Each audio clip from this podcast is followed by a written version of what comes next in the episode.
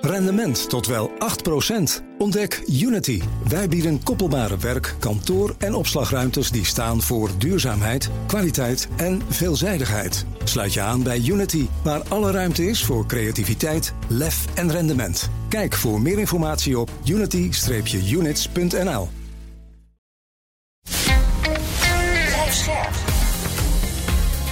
BNR Nieuwsradio. Boekenstein en de Wijk. Hugo Reitsma. Welkom bij Boekenstein en de Wijk. Het is woensdag, dag 546 van de oorlog in Oekraïne. Rob, eh, wat zie jij gebeuren? Ja, goed nieuws en slecht nieuws, zowel voor Rusland als uh, Oekraïne. Als je helemaal kijkt uh, in, het, uh, in het oosten, in de Luhansk Oblast, ja, dan moet je constateren dat de Russen echt bezig zijn met een offensief dat ja, hier en daar toch ook wel succesvol is. dan praat je over de richting Kupiansk. Ja. dat is de, de roemruchte linie van Kupiansk, Stavole en Kremina. En je ziet dat de Russen um, die opmars, niet heel groot, maar het is wel een opmars, ondersteunen door aanvallen in de diepte tegen de logistiek van, van Oekraïne. Het interessante is, vind ik, dat um, dat helemaal niet zo in het nieuws ja. komt. Hm. Wat daar gebeurt. Valt jullie dat ook op? Ja, valt me op. Dat is echt nou, gewoon niet. Ik ja. heb al eerder gezegd, daar moet je echt op letten wat daar gebeurt. Want we weten niet precies waarom dat gebeurt. er zijn twee scenario's. Eén is dat uh, men uh, probeert de Russen dus Oekraïnse troepen weg te trekken uit de fronten waar, waar Oekraïne zelf uh, vooruitgang boekt.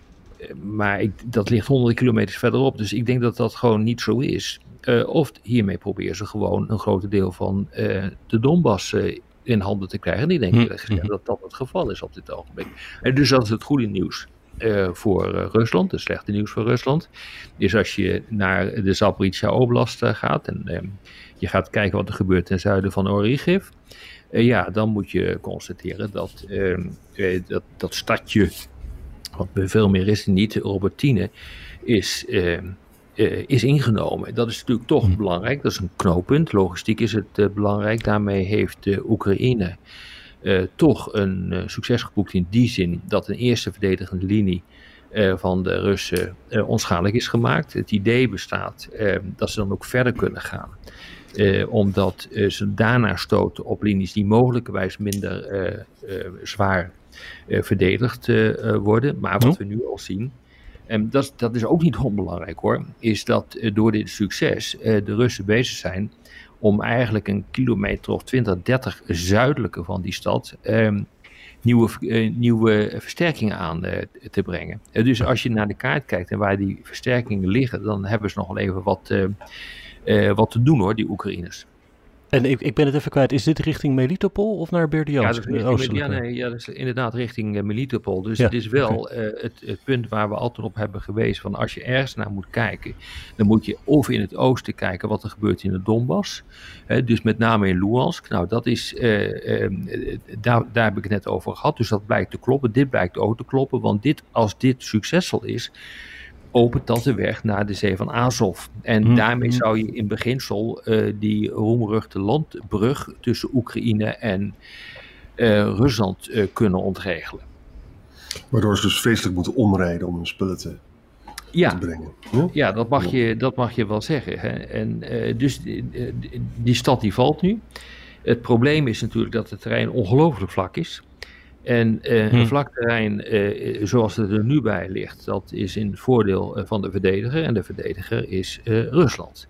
Dus het idee bestaat ook, ehm, volgens nogal wat analisten die ik heb, heb gezien, is dat het aantal doden aan de Oekraïnse kant behoorlijk zal gaan oplopen. Hm. Mm-hmm. Ja. ja. wat zie jij in, in de lucht gebeuren met raketten en drones allemaal? Nou, om bij Oekraïne te beginnen, er zijn Oostenrijkse, uh, Oostenrijkse, Oekraïnse drones. een aanval op het grensdorpje Lavi. Dan zitten we dus in Belgorod, hè, dus is vlakbij uh, Oekraïne, in Rusland. Wat daar uh, gevolgen van is, weet ik niet. Ook in Moskou, voor de, voor de zesde keer, is nu een Moskou City gebouwd. Daar zit dus de ministerie van Financiën, allemaal start-ups zitten erin. Dat is natuurlijk toch wel vervelend, hè, dat, dat dat steeds maar weer gebeurt. Ja? Elke dag zo'n beetje de laatste tijd, ja. toch? Zes dagen ja, achter elkaar. Ja, het is echt niet niks, dit. En verder, uh, Hugo was zo vriendelijk mij op hoogte te stellen dat er een S-400 installatie op de Krim is. Ja, en het bijzondere eraan was dat dus, nou ja, sowieso die, die raket die uh, anti-raketsystemen heeft weten te vinden, maar er hing ook een drone boven om het netjes te filmen. Dat je denkt, ja. Uh, ja. dat zou toch niet moeten kunnen? Nou ja, het is een onderdeel van de oorlogspropaganda, hè? dus altijd hartstikke goed, want jij hebt het gezien en uh, Jan staat nu te klappen, dus dat, is dus dat is dus redelijk, uh, redelijk gelukt. Ja, maar ja, dat is toch een systeem dat raketten en drones uit de lucht moet kunnen halen, in plaats van dat het erdoor wordt Nou, als 400 uh, drones is het lastig hoor, die worden, ja, dat hangt er vanaf wat voor drone. Drones nou, ja, worden okay. ook vaak door middel van elektronische oorlogvoering uit de lucht gehaald. Dat geldt ook voor die, die drones die in de richting van Moskou worden uh, afgevuurd, om het maar zo te zeggen. Die, uh, daarvan zeggen de, de autoriteiten uh, dat die door middel van elektronische oorlogvoering, dus jamming, uit de lucht zijn gehaald. Ja. Veel mensen denken continu dat alles uit de lucht wordt geschoten, maar dat is gewoon niet zo. Dus heel veel van dat spul, als er allemaal elektronica aan boord zit um, en je hebt een systeem voor de navigatie, dan kan je dat gewoon jammen. Althans, als het goed is. En uh, daardoor kun je dus ook veel van die drones onschadelijk uh, proberen te maken. Dus en daar zijn de Russen goed in, in jamming. Ja, de Russen zijn buitengewoon ja. goed in. Maar de, maar, de, maar de Oekraïners worden er ook steeds beter in hoor. Dat moet wel ja.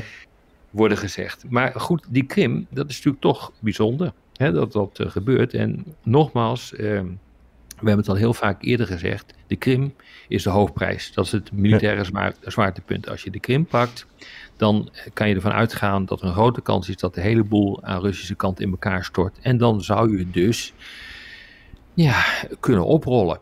Uh, wat er aan uh, Russische troepen uh, zit. is nog wel lastig, maar het zou dan wel kunnen. En vandaar dus dat nu ook die hele discussie over Robotine zo belangrijk is. Nou, ik zie natuurlijk op Twitter dat allemaal mensen alweer hoog, hoge verwachtingen hebben dat het nu echt gaat gebeuren en dat, het, nu, dat de doorbraak en de overwinning aanstaande is.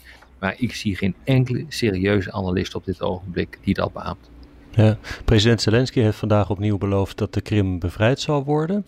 Ja. En in Kiev, ik had het helemaal gemist, maar ik las het bij de NOS, is vandaag een speciale Krim-top, waar delegaties uit tientallen landen worden verwacht. En daar wordt ook gesproken over een 12 puntenplan dat Kiev heeft opgesteld over de reïntegratie van de Krim in Oekraïne. Daarin staat dan bijvoorbeeld, nou, we gaan die kerkbrug van de Krim naar Rusland, die gaan we meteen afbreken. Maar ook mm. bijvoorbeeld dat Russen uh, die na de annexatie van de Krim daarheen zijn verhuisd, moeten vertrekken. En pro-Russische burgers zullen worden gedwongen te helpen bij de wederopbouw van Oekraïnse steden. Als je, ja, als je dat soort plannen leest, dan denk je, maar dat, dat, dat wordt een ramp als ja. je zo ja, ja, ja, weet je, ja. moet doen. Kijk, weet je, het, het is hetzelfde soort plan als dat de Russen op dit ogenblik hebben, waarvan ze zeggen, we gaan 300.000 uh, mensen uh, verplaatsen naar uh, Mariupol. He, je weet, ja, ja. daar woonden voor de oorlog, voordat die, die stad in belangrijke mate gesloopt werd, wonen er meer dan 400.000 mensen. Er zijn er 120.000 overgebleven om een beetje weer op peil te krijgen. Uh, worden er allemaal huizen gebouwd en worden er plannen gemaakt nu om 300.000 mensen naar um, Mariupol uh, te, de, uh, te brengen. Ja, weet je, of dat allemaal gaat lukken, weet ik ook niet. Hè. Het heeft in belangrijke mate gewoon ehm, te maken ook met etnische zuiveringen die er plaatsvinden, zoals we dat ja. vroeger noemden tijdens de Kosovo-oorlog van 1999. Toen had iedereen het daarover, maar iedereen dat de Balkanoorlogen ook continu over etnische zuivering. Dat gebeurt nu ook. Dus je wil die etnische Russen die wil je of eruit of terug hebben. Het hangt er maar net vanaf aan welke kant je staat. Ja. Het zuiden is wel echt uh, heel erg Russisch sprekend, hè? Of dat ja, pro-Russisch betekent, dat weet ik dan niet, zeker. maar uh, ja. nou, iets van 70, 80 procent. Ja, exact. En daar wordt de, die, die, Donbass wordt ook zo'n groot probleem voor Oekraïne. Ja, dat is natuurlijk zo. Kijk, dat wil niet zeggen dat bijvoorbeeld er geen pockets van verzet zijn. Bijvoorbeeld in Melitopol, daar zijn mm. nogal wat mhm. partisanen uh, aan de gang. Maar ja, die zitten dan ook weer in een omgeving waar ook, uh, laten we zeggen, de, de Russen zitten of de Russisch sprekende zitten. Het is bijna onmogelijk om te zeggen hoe je dat nou precies uh, moet noemen, die mensen die er zitten in bezet gebied. Maar dit, dit is gewoon wat er aan de hand is. Ja. En ook zo'n stad als Mariupol die is helemaal kapot geschoten. Hè? En nu zijn er wat kleine Russische pogingen om daar dan nieuwe wijken op te trekken, maar dat stelt niet veel voor. Stel je voor dat je nou een, een Oekraïner bent en je, en je bent Russisch sprekend hè, in Mariupol en, je, Mariupol en je vindt het een, uh, ja, je was wel een beetje pro-Russisch. Ik kan me niet voorstellen dat na alles wat in Mariupol gebeurd is, dat je daar nou erg enthousiast over bent wat ja. Rusland daar gedaan heeft. Hè? Dus dat, ja. dat is. Ja. Uh, Goed, er zijn ook weer uh, Russische drones op de Odessa-regio. En dan hebben we het dus over die Donau-delta. Mm -hmm. Maar een graanhuis weer uh, in de fik. Negen drones wel onderschept. En uh, ja, Hugo had het erover. Er zijn, liggen dus dozijnen graanschepen te wachten bij die Roemeense haven Sulina. En die moeten dan dat kanaal ingaan om naar die Donauhavens te gaan. Hè? Maar je ziet trouwens op die website wel dat er een aantal schepen dat durven. Ja, ja. ja. ja. ja. Nou, weet je, het, het, wordt toch steeds meer iets wat gaat lijken op een totale oorlog. Hè? Ja. Rusland en Oekraïne.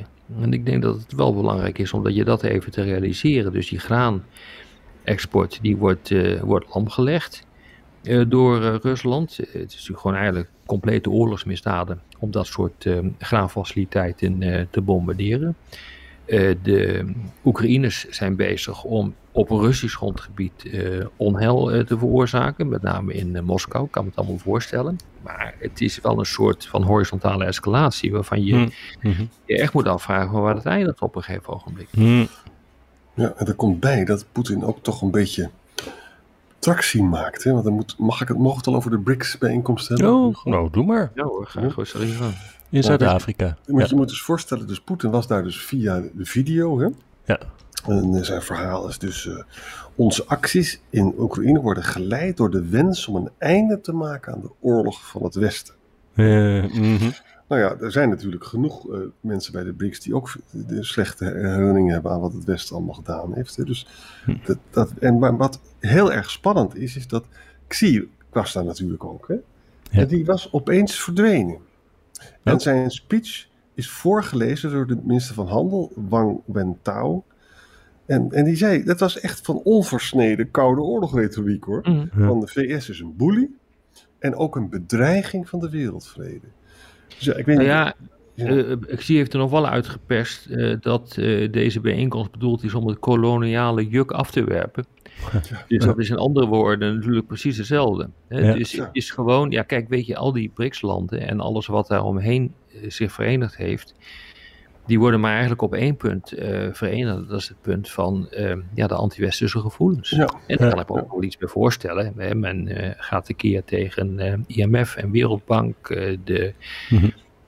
de, ja, de, de eisen die men stelt aan hulp, die zien ze als een feitelijk een inmenging in hun eigen soevereiniteit. Ja, China overzoekt precies hetzelfde hoor. Laten mm-hmm. we wel wezen, als je de investerings investeringen van China eh, niet kan afbetalen en de leningen niet van af kan, af kan betalen van, van China in, in landen, weet je, dan word je ook hard aangepakt. Dan moet je delen van je infrastructuur over, overdragen aan China. Dus ik bedoel, die doet precies hetzelfde. Dus wat je hier ziet is eigenlijk alleen maar een club die verenigd wordt in anti-westerse standpunten. En de vraag is natuurlijk of dat voldoende is om dat uiteindelijk om te turnen tot een hecht blok. Ik denk van niet. Nee, bijvoorbeeld India zit daarin, maar die zit ook in zo'n pact met de Verenigde Staten. En ja, Brazilië, de Lula da Silva, die was er ook, die zei vandaag, las ik, dat uh, je de BRICS niet moet zien als een uitdager van de G7. Het is gewoon, we willen gewoon een beetje coördineren. Zoiets ja. zei hij. Nou ja, daarmee is het wel een historische top hoor. Kijk, uh, hm. wat je dus uh, ziet is dat die landen met z'n allen duidelijk maken, er is een alternatief voor het Westen. En dat was tot voor kort hm. niet het geval. Er was geen alternatief voor Amerika, er was geen alternatief voor het IMF, er was geen alternatief voor de Wereldbank. En nu gaat men duidelijk maken uh, dat men wel een alternatief heeft. En dat komt uiteindelijk de bewegingsvrijheid van die landen te goede, maar ook zelfs de soevereiniteit van die landen. En men, tegelijkertijd probeert men om niet de slaaf van uh, China te worden. Zoals mm. Rusland dat op dit ogenblik wordt. Mm. Dus India en Brazilië die staan op de rem, hè? dat hebben we al eerder behandeld. Maar jongens, even nog naar Xi, hè, wat hij nou daar gezegd heeft. Stel je nou eens voor dat Xi ook nog een agenda zou hebben van nou, ik wil, wil toch ook een beetje kritisch zijn op Rusland en ik wil ook de, nog wat bruggen openhouden naar Amerika vanwege Taiwan. Dan heeft hij die kansen dus laten lopen nu. Hè? Ik bedoel, dit is gewoon een heel duidelijke agressieve toespraak van dat Amerika eigenlijk de schuld is van alle ellende in de wereld, hè? bedreiging van de wereldvrede. Dus kijk, we hebben heel veel gezegd over China in het verleden, waarbij er dus ook heel veel Chinezen kritisch waren op het Russische beleid. Hè?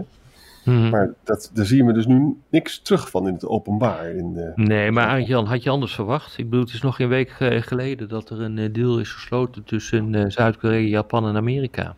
Ja. Het, in de verklaring en de principles waar we het over hebben gehad, de uitgangspunten van, van, van, van de verklaring die de drie landen hebben ondertekend, daar wordt China niet in genoemd. Eh, maar het is wel anti-Chinees. Dus je ziet mhm. aan alle kanten dat er wordt getracht om eh, China in te perken. En dat gebeurt dus nu door die drie landen. Nou, dat is echt niet voorbij gegaan hoor aan, aan Beijing. Dat dit is gebeurd. En dan kan je wel verwachten dat dit soort retoriek wordt uitgeslagen in, in Johannesburg. China voelt zich daar serieus door bedreigd. Hè? Voelt zich omsingeld. Ja. ja. dat is, ook de, dat, is ook, dat is ook zo. Ja. Maar goed, ik bedoel, dit is wel het ABC hoor, van internationale betrekkingen en machtspolitiek. Die kan je allemaal vrij ingewikkeld over gaan praten, maar het is, aan, eh, het is vrij simpel. Ik bedoel, als een land opkomt, zoals China in dit geval, uh, dan probeert hij uh, de wereldorde naar zijn hand te zetten. En zo'n BRICS-bijeenkomst, wat we nu zien, is daar een prachtig voorbeeld van. En in die zin, ik heb het woord historisch genoemd, vind ik hem echt historisch dat dit gebeurt. Ja. Gaan we nog veel over horen. Ook bij ons, de BRICS. Voor vandaag bedankt. Graag gedaan. Tot morgen. Tot morgen. Rendement tot wel 8%. Ontdek Unity. Wij bieden koppelbare werk, kantoor en opslagruimtes die staan voor duurzaamheid, kwaliteit en veelzijdigheid. Sluit je aan bij Unity, waar alle ruimte is voor creativiteit, lef en rendement. Kijk voor meer informatie op unity-units.nl.